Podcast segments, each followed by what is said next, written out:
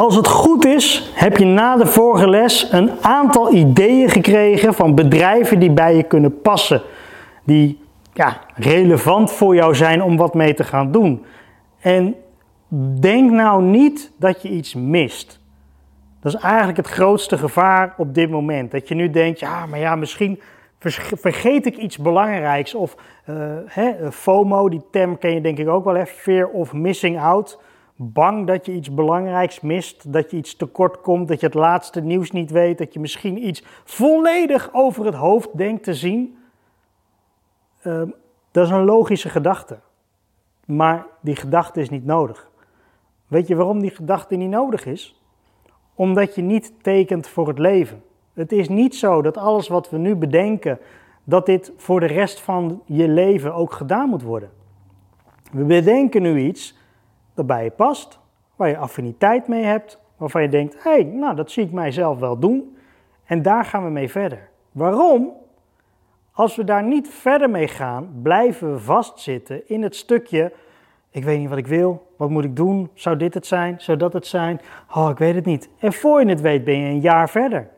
Sterker nog, het kan zijn dat je al tien jaar met het idee speelt om een eigen bedrijf te starten, maar dat je eigenlijk tegengehouden wordt, bang bent, en dat bedoel ik echt niet verkeerd, maar een beetje onzeker bent over gaat het wel werken? Ga ik wel genoeg geld verdienen? Um, gaat het wel goed komen? En wat als het niet goed komt? En dat zijn allemaal logische vragen. Maar weet je wat de grap nou is? Op die vragen krijgen we geen antwoorden zolang we het niet gaan doen. Dus je kan wel denken, ik ga een gerecht koken, maar wat nou als het aanbrandt? Wat nou als ik het te lang in de oven laat? Wat nou als mijn mensen het, die komen eten, niet lekker vinden? Wat? Dat klopt, dat klopt, dat klopt allemaal. Allemaal logische vragen. Maar de vraag die je eigenlijk moet stellen is, wat is de eerste stap om hieraan te beginnen? Om aan dat recept te beginnen. Het recept pakken, de boodschappen doen en go. Dat is wat je moet doen. En dat is nu ook het geval.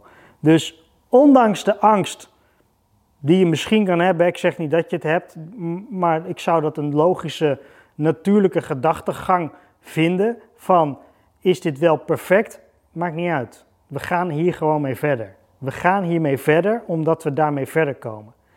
En dit trucje, dit, dit spelletje, dit, deze manier van werken, deze werkwijze, ga jij nu opslaan in je hoofd. Dat de volgende keer denk je, oh ja, ik heb het toen zo en zo gedaan, oh, dat is misschien wel handig. Ik ga gewoon weer eventjes opschrijven, waar heb ik nu zin in, wat zijn nu mijn passies. Want die dingen zijn niet gegarandeerd voor het leven. Want toen jij jong was, was je interesse misschien Oh ja, ik hou van Playmobil. Oh ja, ik vind het leuk om naar de snoepwinkel te gaan. Oh ja, ik vind het leuk om frietjes te eten. Dat was het toen. En later werd dat, nee, is niet stoer frietjes eten. Het is nu stoer om uh, energy drink te drinken en te roken en, en lekker te stappen en lekker met mijn maten op pad. En ja, maar dat heb je misschien nu ook niet meer. Snap je? Of misschien zit je daar nu nog wel in en dat je denkt, ja, hoe kom ik daaruit? Ik wil verder met mijn leven. Dus bij alles wat je denkt, het is niet perfect, het is niet af, het is niet goed genoeg. Ik ben bang dat ik wat mis of dat ik wat vergeet. Laat me los. Laat me los. Het is niet definitief. Het is niet voor de komende 100 jaar dat jij dit moet gaan doen. Als je nog 100 jaar hebt. Nee, maar je begrijpt wat ik bedoel. Dit doe je misschien vijf jaar. En na vijf jaar zeg je: Wauw, ik heb wat neergezet. Dit is lachen, dit is goed. Ik verdien er goed geld mee. Ik heb de juiste mensen om me heen. En nu nu ga ik doen waar ik nu interesse in heb. En dat is misschien, weet ik wat, heel wat anders. Misschien maak je wel wat mee in je leven waardoor je denkt: hé, hey, dat is interessant, daar wil ik wat mee. Snap je? Dus laat het los, we gaan hiermee aan de slag. Nou, alle ideeën die je hebt gekregen vanuit de chat GTP, want ik ga ervan uit, ik hoop ergens dat je die tool gebruikt hebt, die gaan we nu omzetten in eventjes hele serieuze praktische ja, overzichten eigenlijk. En daarvoor wil ik graag gebruik maken van het Business Canvas model. En dit is eigenlijk een heel simpel model die jou vrij snel inzicht geeft in oké, kan ik geld verdienen of niet? Daarvoor ga ik ook eventjes mijn scherm delen. Dus ik ga even switchen van beeld. Ik ga mijn beeldscherm met je delen. Daar ga ik eventjes de sheet openen en die ga ik eventjes vakje voor vakje met je doorlopen hoe het zit. En als je het werkboek hebt ontvangen per post, Pak die er eventjes bij. Zorg ervoor dat je daar eventjes de velden invult.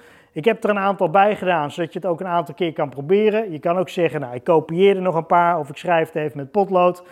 Moet je helemaal zelf weten. Voor mij part teken je hem na op een A4'tje en hè, dan weet je eventjes. Maar vul het een aantal keren in per bedrijfsidee. En waarom? Daarmee ga je helder krijgen of het interessant is.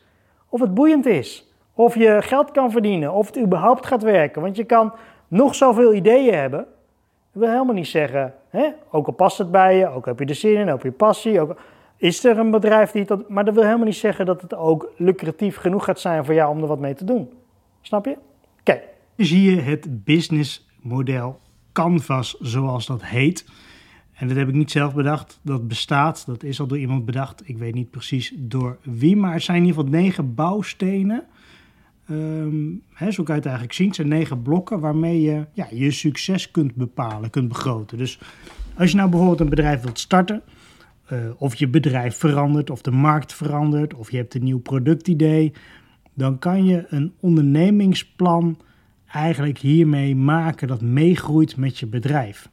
Um, dus je brengt het, vooral het bedrijfsmodel even in elkaar, waardoor je makkelijker kunt focussen en bijsturen.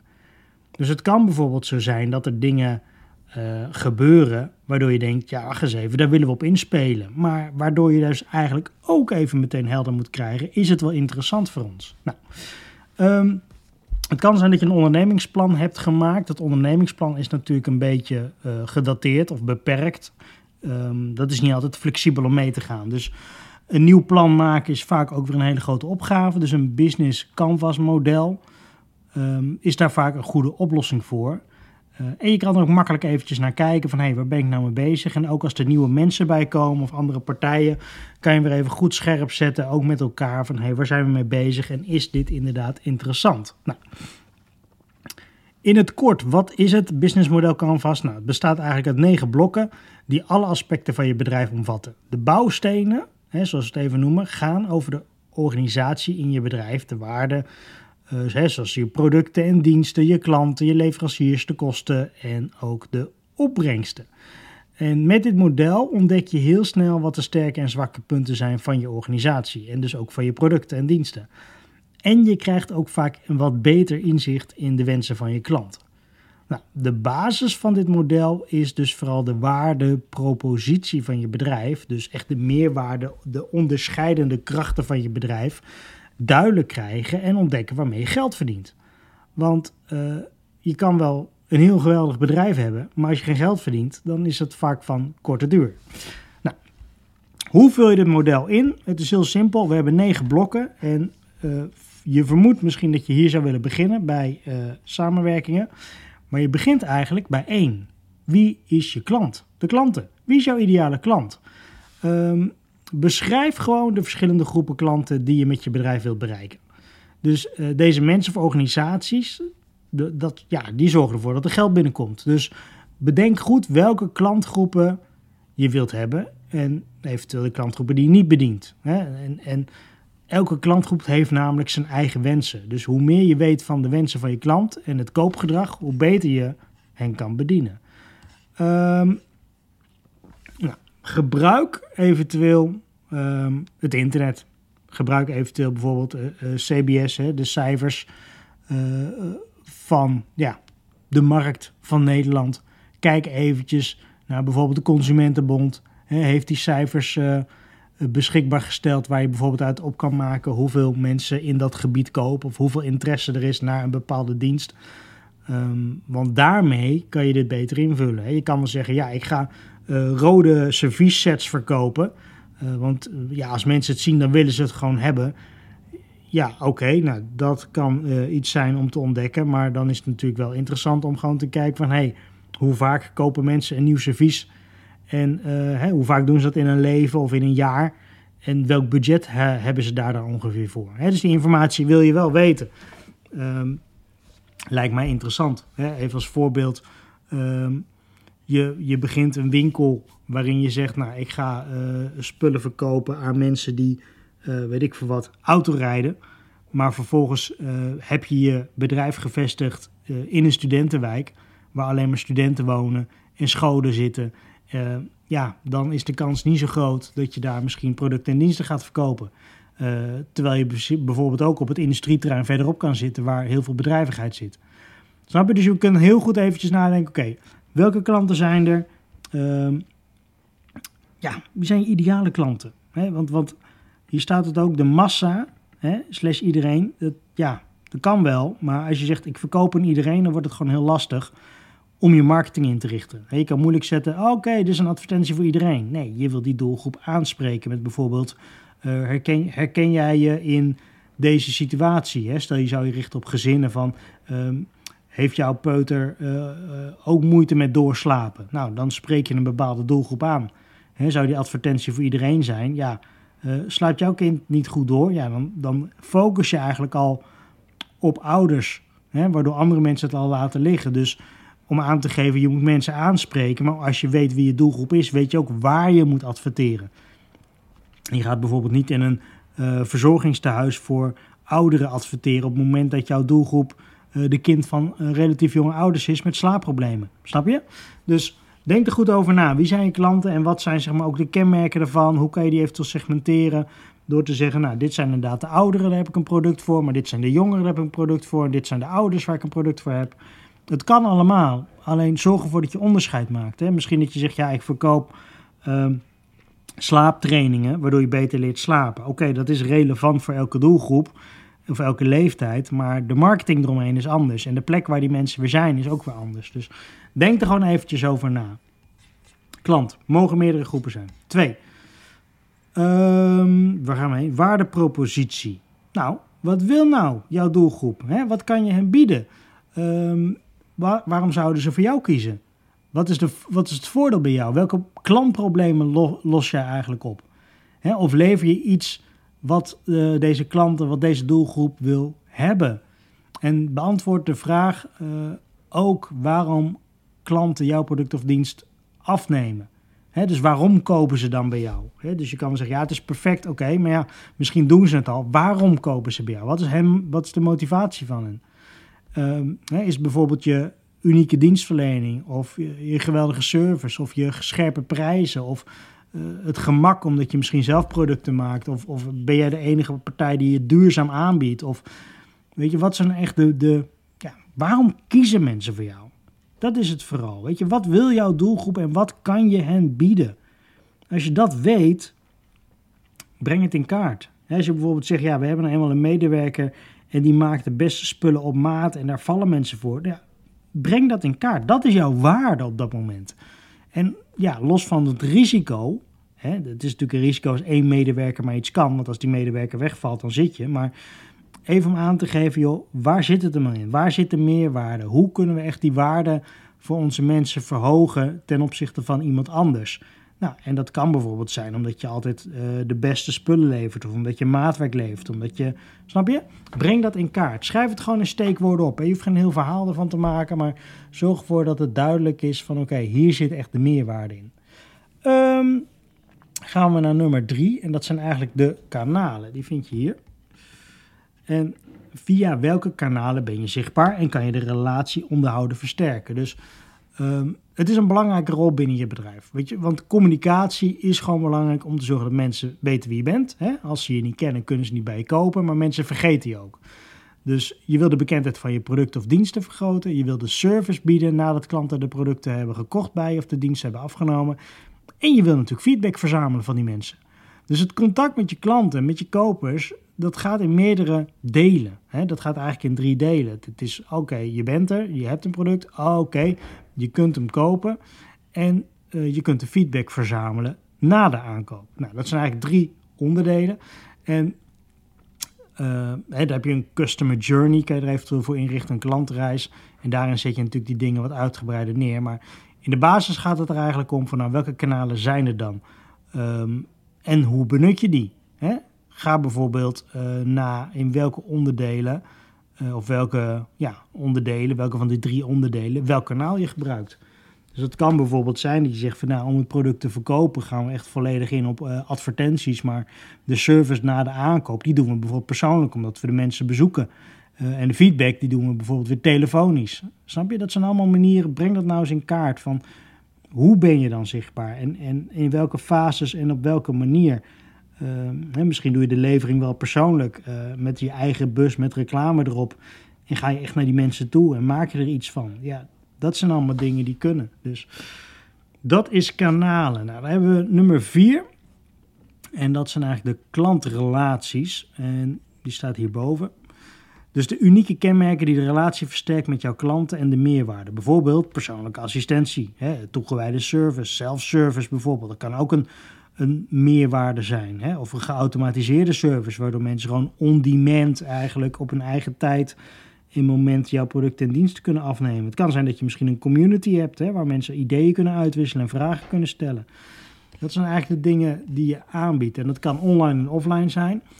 Dus uh, denk er ook eventjes goed over na. Waar zitten je klantgroepen graag? Waar kan je hen helpen? Is geautomatiseerd inderdaad de beste oplossing? Of is juist de persoonlijke aanpak waarbij je echt langs gaat of mensen bijvoorbeeld via een telefoontje of via een videocall uh, verder helpt? Um, en ook eventjes voor de type klant. Hè? Dus het kan zijn voor nieuwe klanten. Hè? Wil je die nieuwe klanten binnenhalen? Of wil je juist bestaande klanten houden?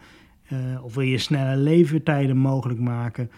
Eigenlijk alles om die klantrelatie ja, waardevol te maken. De contactmomenten die er zijn. Dus, dus hoe laat jij een goede indruk achter bij die mensen? Zodat ze bijvoorbeeld ook reclame weer voor jou maken. Dat je bijvoorbeeld zegt van... hé, hey, uh, ik heb net een product opgeleverd, maar die persoon was zo enthousiast. Die had het meteen verteld aan zijn buurman. En die buurman die gaat nu ook bij ons kopen. Snap je? Dat is eigenlijk de, de, de kunst is om die kanalen zo goed op elkaar af te stemmen dat de klantervaring beter wordt, waardoor het jou uiteindelijk weer wat oplevert. Meer is het niet. Snap je? Als iemand een gefrustreerde klantreis heeft, een gefrustreerde aankoop doet bij jou, omdat het allemaal heel veel moeite kost, ja, dan gaat het niks opleveren, dan heeft die persoon alleen maar frustratie en dan gaan ze ook geen reclame voor je maken. Snap je? Nou, dan eigenlijk een hele uh, praktische inkomen. Inkomensstroom. Waar gaat het geld vandaan komen? De opbrengsten. Nou, een stuk verkoop van je producten en diensten, maar dat kan ook uh, een extra stroom zijn van bijvoorbeeld uh, onderhoudsabonnementen of zulke dingen. Um, je kan bijvoorbeeld producten verkopen, verhuren of misschien een service bijleveren of misschien een, een, een upsell. En je moet winst maken. Heel simpel. Je kan zeggen, ja, maar ja, ik verkoop en ik speel kiet. Nee, je moet winst maken, want anders kan je de kosten natuurlijk niet eraf halen. En die kosten, die gaan we aan de andere kant zo behandelen. Maar het is in eerste instantie belangrijk, waar ga je geld mee verdienen? En breng ook in kaart hoeveel je ongeveer aan omzet gaat genereren op basis van een ja, welk x aantal klanten. Hè? Dat je bijvoorbeeld zegt, nou, ik draai 50.000 euro als ik uh, eh, 100 klanten heb, ik noem maar iets. En is het dan per maand of is het per jaar of is dat eenmalig? Kijk ook eventjes goed hoe dat dan in elkaar zit. Uh, hè? Want je kan producten verkopen of diensten verkopen, maar het kan ook zijn dat je abonnementen verkoopt of licenties. En misschien werk je wel met franchise-nemer of resellers of partijen waar je misschien weer een, uh, hoe noem je dat, zo'n fee een eh, affiliate fee, hè, een, een, een percentage zeg maar, van je omzet moet aan afstaan, omdat zij dat dan weer ja, voor jou hebben verkocht, dus daar een gedeelte van krijgen. Dus denk goed na joh, waar komt de verkoop, de opbrengsten, waar komt het vandaan? En in welke varianten en welke, welke vormen is dat dan? En zijn er eventueel uh, bonusregelingen of affiliatespartijen die, uh, die ook nog een deel krijgen? Reken dat eventjes goed uit. Het uh, gaat echt niet om dat je echt tot op de, de punt, komma, zes cijfers naar de komma alles nauwkeurig hebt. Maar het gaat er wel om dat jij helder hebt waar het hem nou in zit. Zodat je ook duidelijk kan krijgen, oké, ik moet best wel wat abonnementen verkopen om dit aan opbrengsten te hebben. Snap je? Um, nou, nummer zes, de kernmiddelen. De kernmiddelen zijn eigenlijk ja, de belangrijkste gereedschappen om te zorgen um, dat je het verkocht krijgt. Dat je mensen bereikt. Dat je uh, zorgt dat dat gaat werken. En die, die tools die je daarvoor kan gebruiken, hè, kan ook bijvoorbeeld zijn dat je zegt, nou ja, we hebben een intellectueel eigendom op iets vastgelegd. Uh, en daardoor zijn wij de enige um, die dat nu mogen maken en mogen verkopen. Een hele tijd was dat, misschien ken je dat nog wel, Senseo met die koffiepads. Hè, dat was een hele tijd, hadden zij daar een, een, een intellectueel eigendom op zitten. Ze hadden het alleen recht om die pads te maken en te verkopen. En ja, het was natuurlijk een, een relatief briljante oplossing. Want je had binnen, wat is het, een binnen een minuut of anderhalf minuut had je een kopje koffie gezet. Dus dat was echt een, een uh, een vooruitgang in de manier van koffie uh, zetten en drinken. Uh, ja, en dat dat dan relatief gezien natuurlijk kwalitatief wel of geen goede koffie is, dat blijft natuurlijk altijd een eindeloze discussie. Maar los van dat, op dat moment was die ontwikkeling hot en happening. en hebben ze er heel veel geld mee verdiend, omdat ze de enige waren die die pads mochten aanbieden bij hun eigen automaat. Nou, dat is grappig. Zelfde voorbeeldje, misschien ken je het wel. Misschien eet je wel eens een beschuitje en in zo'n beschuitje zit nu zo'n klein inkepingje. Nou, er was iemand die heeft dat bedacht, die heeft dat vastgelegd. He, gezegd van nou, dat is mijn intellectuele eigendom. Dat is, ik heb daar een octrooi op aangevraagd. Dus die persoon die mocht voor een x aantal jaren als enige dat uh, inkepingje in een rolletje, in een stukje beschuit hebben. Dus doordat dat de enige persoon was en andere partijen dat niet mochten, hadden ze een voordeel voor de consument. Dus ze wisten ook op een gegeven moment, ja, dat is fijn beschuit, want daar zit dat inkepingje in en dan kan ik ze er makkelijk uithalen. Nou, op een gegeven moment loopt zoiets af, volgens mij na 10 jaar uit mijn hoofd of 20 jaar, ik weet niet wat het is, loopt zoiets af en dan mag iedereen het gebruiken. Hè. Daarom zijn er op een gegeven moment ook andere aanbieders gekomen die koffiepads deden voor de Senseo, maar er zijn ook nu meer rollen beschuit met zo'n inkepingje. Maar dat is wel een ja, een unieke bedrijfseigenschap. En als je net toevallig op dit moment dat hebt en jij kan dat gebruiken en daar bijvoorbeeld vijf jaar lang of tien jaar lang geld mee verdienen, ja, dat is toch wel uniek. En dat moet je dan ook zeker vermelden. Maar het kan ook zijn dat je bepaalde mensen in dienst hebt met een bepaald specialisme of Snap je? Dus denk er eventjes goed over na. Wat zijn nou echt de unieke bedrijfseigenschappen? Wat heb je nodig om ehm, verder te komen, om te zorgen dat het voor mensen uh, meerwaarde biedt. Wat zijn nou echt de unieke dingen die anderen bijvoorbeeld niet zomaar kunnen kopiëren, of waar je een patent op hebt, of uh, een groep medewerkers binnen je bedrijf die bekend zijn, hè, bijvoorbeeld ze influencer zijn, of bekende Nederlanders, of wat dan ook. Um, waardoor het dus waardevoller is. Nou, dan hebben we zeven. De kernactiviteiten, die staat erboven. Dus de belangrijkste kenmerken om onderscheidend te zijn als bedrijf. Um, ja, denk eventjes heel simpel. Uh, welke dingen heb je nodig om geld te verdienen? Weet je, uh, ook even kijken naar je waardepropositie natuurlijk die ernaast staat. Maar wat zijn eigenlijk de belangrijkste onderdelen uh, om geld te verdienen? Weet je, wat doe je als bedrijf om te zorgen dat je businessmodel werkt en wat niet? En sommige activiteiten kun je het beste zelf doen en andere kun je misschien weer beter uitbesteden. Um, ja, het kan bijvoorbeeld zijn, even een voorbeeld, eh, dat je klant duurzaamheid heel belangrijk vindt. En dan nou, moet jij misschien wel precies weten uh, wat je product duurzaam maakt. En ja, welke verkoopargumenten daar dan bij horen. En wat er nodig is om je bedrijfsmodel te vergroenen. Hè, waar zit je toegevoegde waarde? Wat maakt het productieproces zo efficiënt? Uh, waardoor het groen is. En hoe zorg je dat die informatie en die kennis dus ook weer bij je medewerkers komt. En dat zij de juiste informatie communiceren aan je potentiële kopers. Dus dat zijn dingen. Communiceer het, maak het duidelijk. Zorg ervoor dat die hoofdactiviteiten waarmee je bezig bent, dat die ja, echt onderscheidend zijn. Hè? Want iedereen verkoopt, hè, even een simpel voorbeeld, iedereen kan een brood verkopen. Maar ja, uh, jouw brood is bijvoorbeeld duurzaam ge, uh, bereid, hè, of met duurzame grondstoffen. Of jouw brood is bijvoorbeeld, um, weet ik wat, uh, die, diepvries. waardoor het dus door iedereen overal elke, op elk moment kan worden afgebakken. En je dan op dat moment vers afgebakken brood hebt. Dat is ook een hoofdactiviteit. Dat is een belangrijk kenmerk wat het onderscheidend maakt. Snap je? Dus dat wil je eigenlijk kunnen communiceren. Nummer 8. De belangrijkste uh, mensen waarmee je samenwerking hebt. Dus met wie werk je samen? Want er zijn verschillende redenen om samen te werken met anderen. Want met partners bereik je vaak je doelen sneller. Um, en dat kan al heel simpel een vervoersbedrijf zijn. Hè? Dat je zegt van nou, met die partij werken we gewoon heel uh, effectief samen. Dus uh, je wil, denk ik, met je bedrijf groeien, omzet maken, succesvoller zijn in de markt, in de branche waarin je actief bent. Uh, maar dat kan ook betekenen dat je dus samen met een partner een groot deel ja, van die keten kan verduurzamen. Hè, uh, stel je bent dus inderdaad bezig met die duurzame bakkerij en je bent broden duurzaam aan het maken en die partij die produceert ook duurzaam. Ja, dan kan het dus zijn dat je daarmee dus sneller verder bent als dat je dat bijvoorbeeld zelf zou moeten verbouwen. dan moet je zelf uh, graan gaan verbouwen of andere producten. Dus die samenwerking kan belangrijk zijn om jouw product, om jouw eindproduct ook sneller op de markt te krijgen of goedkoper op de markt te krijgen. Snap je? Dus denk er goed na. Met welke partners werk je samen? Wat zijn belangrijke leveranciers, uh, maar ook partijen die je bijvoorbeeld helpen in bijvoorbeeld het uitrollen ervan. Hè? Of uh, mensen die zorgen dat het, jouw product in de winkel komt te liggen. Of dat het zichtbaar wordt. Of uh, het kan ook een influencer zijn. Als je zegt, nou ik heb de influencer gevonden die in mijn branche zit en waar mijn doelgroep zit. Ja, dan is dat ook een samenwerking. Dus breng goed in kaartje met welke partijen doe je dat nou. En ehm, ja, waar, waar zit dan de meerwaarde? Hè?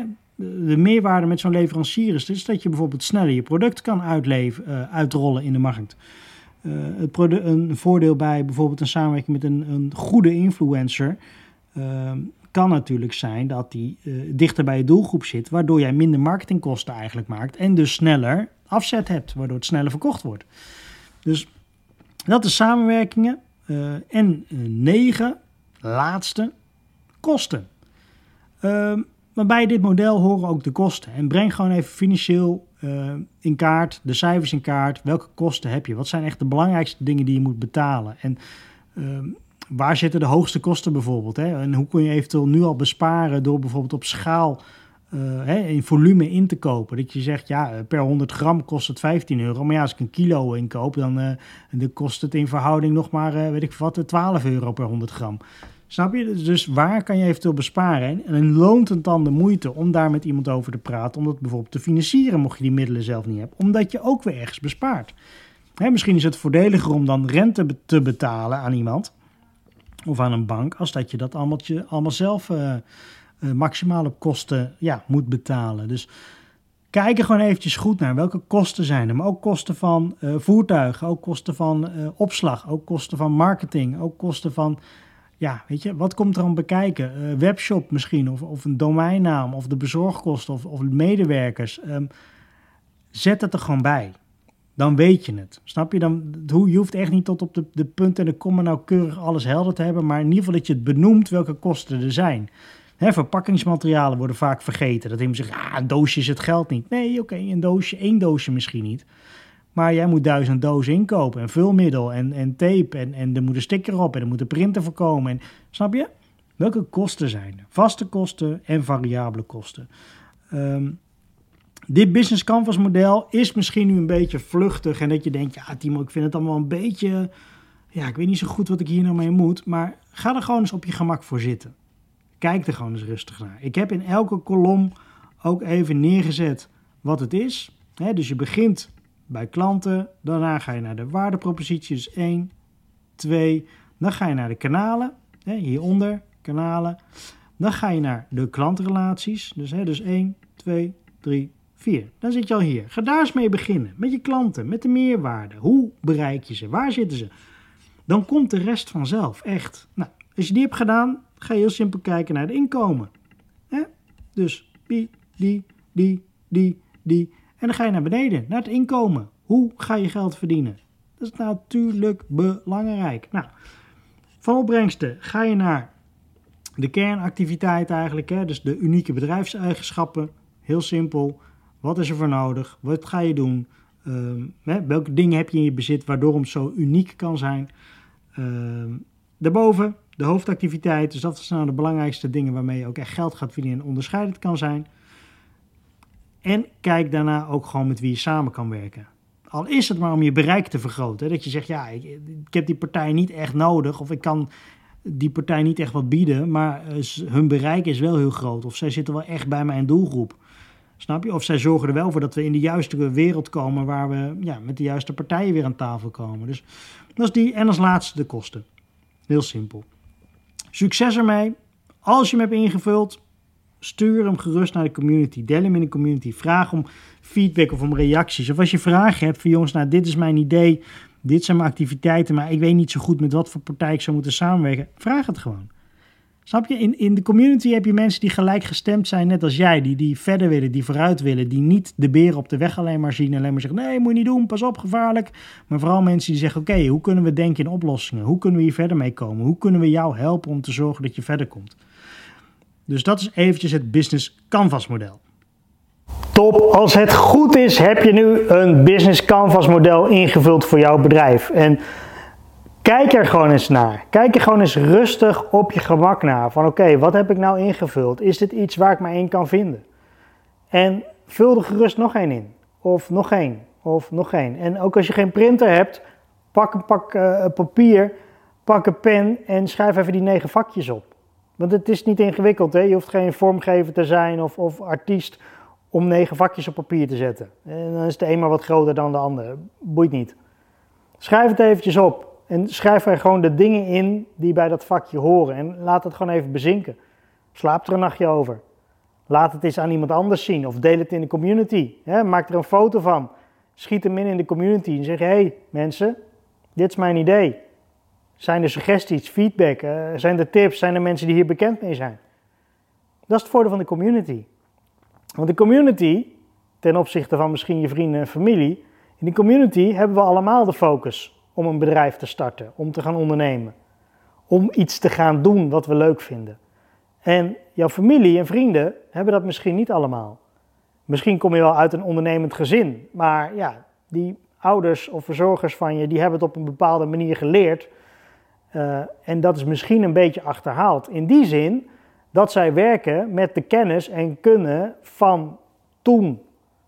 als je twintig jaar geleden je eerste bedrijf bent begonnen, of misschien wel een bedrijf hebt overgenomen van je ouders, dan sta je op dit moment heel anders in de markt als dat je vandaag de dag een bedrijf begint.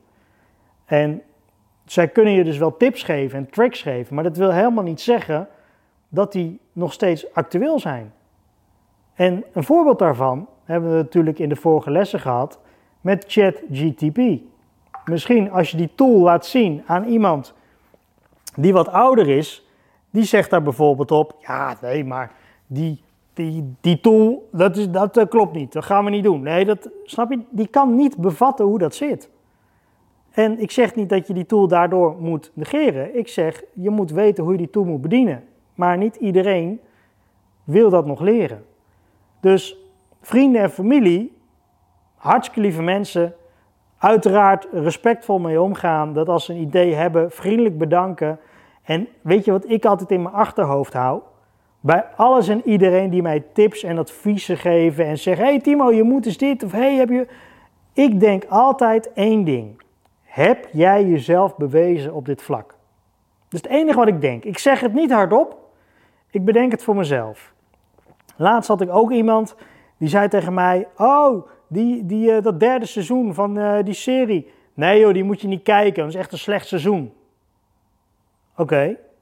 Dan dacht ik: Ja, maar ik ga nou niet op jouw oordeel af dat iets een slecht seizoen is. Want misschien heb jij wel hele andere interesses bij een serie en een seizoen. Misschien zit jij wel veel meer op entertainment te wachten. En zit ik veel meer te wachten op, hé, hey, wat kan ik eruit leren?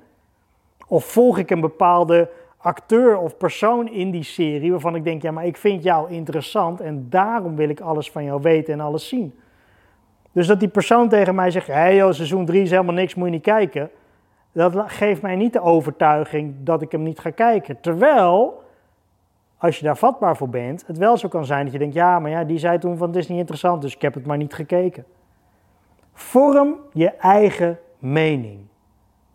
Bekijk content, lees boeken, lees uh, magazines, ga naar beurzen, bespreek mensen, maar maak daaruit je eigen mening op. Ga niet op basis van meningen van anderen dat voortzetten. Stel, je hebt uh, ondernemers om je heen en die zeggen: Nee joh, je moet nooit, nooit een bedrijf beginnen met andere mensen, want dat is drama en dat moet je helemaal niet willen. Terwijl jij juist denkt: Ja, maar ja, dat wil ik wel graag. Laat je dan niet tegenhouden met het idee en de uitspraken. Dat, dat moet je niet doen. Ga gewoon goed nadenken: Oké, wat zijn de voordelen en wat zijn de nadelen? En wat zou eventueel een tussenoplossing zijn? Want je mag het wel zien als een waarschuwing. Je mag wel denken, oké, die persoon zegt wel heel nadrukkelijk, moet je niet doen. Wat zou er dan in zitten waardoor dat niet slim is?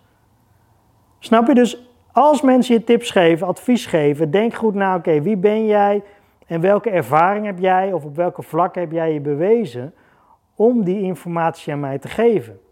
En als dat enigszins onderbouwd is, applaus, doen, aanpakken met twee handen. Maar misschien is het wel iemand die helemaal niet weet wat hij zegt. Ik heb best wel vaak namelijk ook advies gekregen van mensen die gewoon in loondienst zijn. Die dan tegen mij zeggen: Oh, je moet, eh, je moet deze producten gaan kopen en verkopen. Oh, daar kan je heel veel geld mee verdienen. Doet mijn buurman ook. Doet, een, doet, mijn overbuurman, doet een neef van mij. Doet, dat ik denk, je hebt helemaal geen verstand van dat. Je weet helemaal niet hoe je überhaupt moet inkopen. Je weet helemaal niet hoe je het met de opslag moet regelen. Je weet niet eens hoe je de marge kan pakken op dat product. Je weet niet eens wat advertenties kosten. Het enige wat jij ziet is dat je buurman een nieuwe auto heeft gekocht bijvoorbeeld. Of dat hij zegt, ja, 20 opdrachten per dag of 20 orders per dag krijg ik binnen in mijn webwinkel. Dus waardoor jij de conclusie voor jezelf trekt dat het succesvol is. En vervolgens mij daarmee denkt te moeten informeren. Mensen geven vaak advies ongevraagd. Ze zeggen gewoon tegen jou: hey, hier, dit moet je doen. Dat moet je niet doen. hey, als je slim bent, dan doe je. En op dat moment kan je aan jezelf gaan twijfelen. Dat je denkt: oh ja, maar ik wil wel slim blijven. Of ik wil wel de successen meepakken. Of ik wil wel zo. Nee. Nee. Oogkleppen op. Focus je op jouw idee. Wat we in deze bootcamp aan het bouwen zijn. En ga daarvoor. De grootste kans om te mislukken is de invloed van mensen die geen verstand hebben van datgene waar het over gaat. En dat wil niet zeggen dat je ruzie met ze moet maken. Dat wil niet zeggen dat je ze moet uitschelden of dat je ze moet negeren. Dat wil gewoon zeggen: bedank ze vriendelijk. Oh, bedankt. Goeie tip. Oh, dat is een goed idee, ja. En ga weer verder. Ga gewoon weer verder met jouw idee. Laat je niet beïnvloeden. Want ze weten niet waarover ze praten. En ik zie het eigenlijk altijd heel simpel met zoiets. Als iemand dat zegt, denk ik altijd: Oh, ik vergelijk dat met het weer. Als iemand zegt: Oh, het regent. Het is echt. Oh, het regent. Oh, wat een rotdag. Oh, het is zo warm. Oh. Ik vergelijk het met opmerkingen, reacties over het weer. Want als iemand zegt: Oh, wat een rotweer is het vandaag buiten. Dan ga je ook niet zeggen: Oh ja, je hebt gelijk, ja. Ik ga meteen bellen naar boven of ze het weer kunnen aanpassen. Nee, dan zeg je ook, oh ja, inderdaad, ja. Ja. That's it. Meer is het niet. Oh man, wat is het heet. Man, man, man, wat is het heet. Ja, het is warm, hè? Oh, ja, het is warm. Meer is het niet. Dan ga je ook niet zeggen, oh ja, vind, je het heet? Oh, zal ik snel een ijsje voor je halen? Moet de, moet de ramen open doen of moet juist dicht? Moet de gordijnen dicht? Dan schiet je ook niet in de stress, ga je ook niet aan jezelf twijfelen. Dan zegt iemand gewoon, het is warm buiten. Oh man, man, man, wat een weer, het regent zo hard. Ja, ja, oh vervelend hè, ja, oh het regent zo hard. Ik zat ook in een bui. Zo, ja, in, in die categorie, in, in die manier van omgaan met die reacties, doe ik dat als iemand wat zegt over iets waar ze eigenlijk geen verstand van hebben. Waarvan ik denk, je hebt je niet bewezen, je hebt er eigenlijk helemaal geen verstand van. Je roept maar wat, je zegt maar wat. En met de beste bedoeling waarschijnlijk, want het kunnen ook je ouders zijn, het kan ook je broer, je zus zijn, het kan iedereen om je heen zijn, het kan je partner zijn. En ze bedoelen het met de beste bedoelingen, maar probeer die informatie nou, als je wat nodig hebt of als je wat wil weten, in de community te stoppen. Want in de community hebben we de visie op vooruitgang hebben we die oogkleppen op om te zorgen dat we beter worden, dat we verder komen, dat we succes gaan boeken. Dat we achteraf kunnen zeggen, hé, hey, moest kijken wat ik heb neergezet in drie jaar tijd. Hé, hey, dat is mijn eigen bedrijf. Hé, hey, twee jaar geleden begonnen. Hé, hey, kijk eens, eerste omzet, bam, hier ben ik voor gegaan. En dan kan het maar zo zijn dat jij een omzet doet die meer is dan het jaarsalaris van die mensen die jou advies zaten te geven. Snap je? Wees je daar bewust van. Ik wil niet zeggen dat je beter bent dan hen. Ik wil niet zeggen dat je meer bent. Ik wil alleen zeggen, je bent bezig met een ander vakgebied. Met een ander specialisme. Als jij professionele tennisser bent, ja, dan ga je ook niet tegen een automonteur vertellen hoe die zijn werk moet doen. Terwijl die automonteur niet beter is of slechter is dan die tennisser. En die tennisser is ook niet beter of slechter dan die automonteur. Ze zijn gewoon allebei in hun eigen vakgebied beter. Hij is in, de, in het tennisgebied is die beter. Hij of zij als monteur is beter. Met auto's, met motoren. En soms matcht dat niet. Snap je? Soms gaat dat niet samen. Soms botst dat gewoon. En dan zegt die automonteur: Hey, top, bedankt man. Uh, goed om te weten. Bedankt voor je tips. Die denkt gewoon, hé, hey, dat is helemaal niet dat en dat onderdeel. Je moet gewoon even dit doen en dan werkt hij weer. Dat. En andersom ook. Hè, die automonteur die kan wel zeggen, ja joh, tent, nee joh, je hebt een verkeerde record, je hebt een verkeerde merkrecord en dan moet je helemaal niet, met dat record moet je helemaal niet spelen, je moet met een ander record spelen. En dan kan die tennisser helemaal denken, oh nee, ik heb het verkeerde record. Nee, dat denkt die tennisser niet. Die tennisser denkt, nee, dit is mijn record, dit is een goed record, dit is een lekker record. Daar heb ik goed mee uh, leren spelen. Alleen ik had gewoon een verkeerde slag en vervolgens ga ik gewoon weer lekker aan de bak. Dat geldt dus ook voor jou zo. Die tennisser die zoekt mensen die in die wereld zitten. En als hij geen tennisser kan vinden, zoekt hij als eerste nog iemand die in de sportwereld zit. Snap je? En dat geldt voor die monteur ook. Die gaat om met zijn collega's, met mensen uit de branche. En als hij iemand niet kan vinden die handig is met motoren, met auto's en zulke dingen, dan zoekt hij iemand op die handig is in het algemeen. Die spullen maakt, die reparaties doet, die bijvoorbeeld computers maakt. Of die bijvoorbeeld, snap je? En daarmee gaat hij dan lekker sparren. Hé, ja, ik had het laatste probleem, dit en dat. Hoe moet ik dat aan mijn klant vertellen? Nou ja, als je slim bent, dat, dat. Denk er goed over na aan wie je vragen stelt, aan wie je feedback vraagt. Drop het, wat mij betreft, in de community. Fotootje maken in de community. Scan hem in in de community. En als je nou denkt, en geloof mij, als je nou denkt, maar ik heb het gouden idee, ik ga dit niet delen in de community, dit is een miljoenenbusiness. Um, ja, hoe zeg ik dit netjes? 99 wat zeg ik, 999 of misschien wel 99, 100.000, laat ik aangeven, de kans dat het een miljoen idee is wat iemand zomaar jat, is er niet. De kans dat jij denkt, oké, dit is een gouden idee, dat mag niet worden afgepakt. Ga dan ook eventjes na, hoeveel werk is er voor nodig om dit uit te voeren? Wat komt er allemaal bij kijken? Hoeveel inzet moet ik geven? Hoeveel mensen heb ik ervoor nodig? Hoeveel kapitaal heb ik nodig? Hoe hard moet ik doorzetten? Want misschien is het wel een miljoen idee. Hè? Misschien is het wel de briljantste app waarvan je ooit had gedacht, als deze app er is, dan uh, oké. Maar ik ga het sowieso niet doen. Ik ben al geen concurrentie. Waarom niet? Ik heb niks met apps.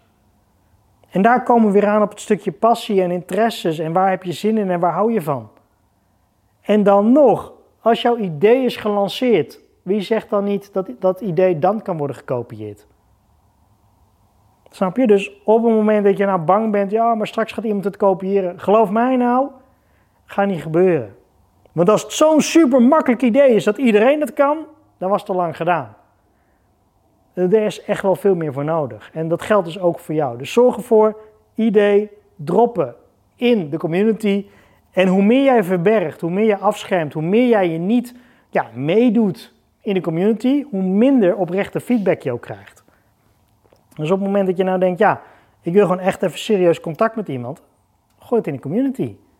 En als je nou echt denkt, dit is een miljoenen idee, ja, weet je, dan streep je het van mij maar door. Weet je, dan, dan streep je maar dat ene zinnetje door waar dat staat. En ik zeg, ja, ik heb een briljant idee voor de kappersbranche, en, maar ik ga niet vertellen wat. prima.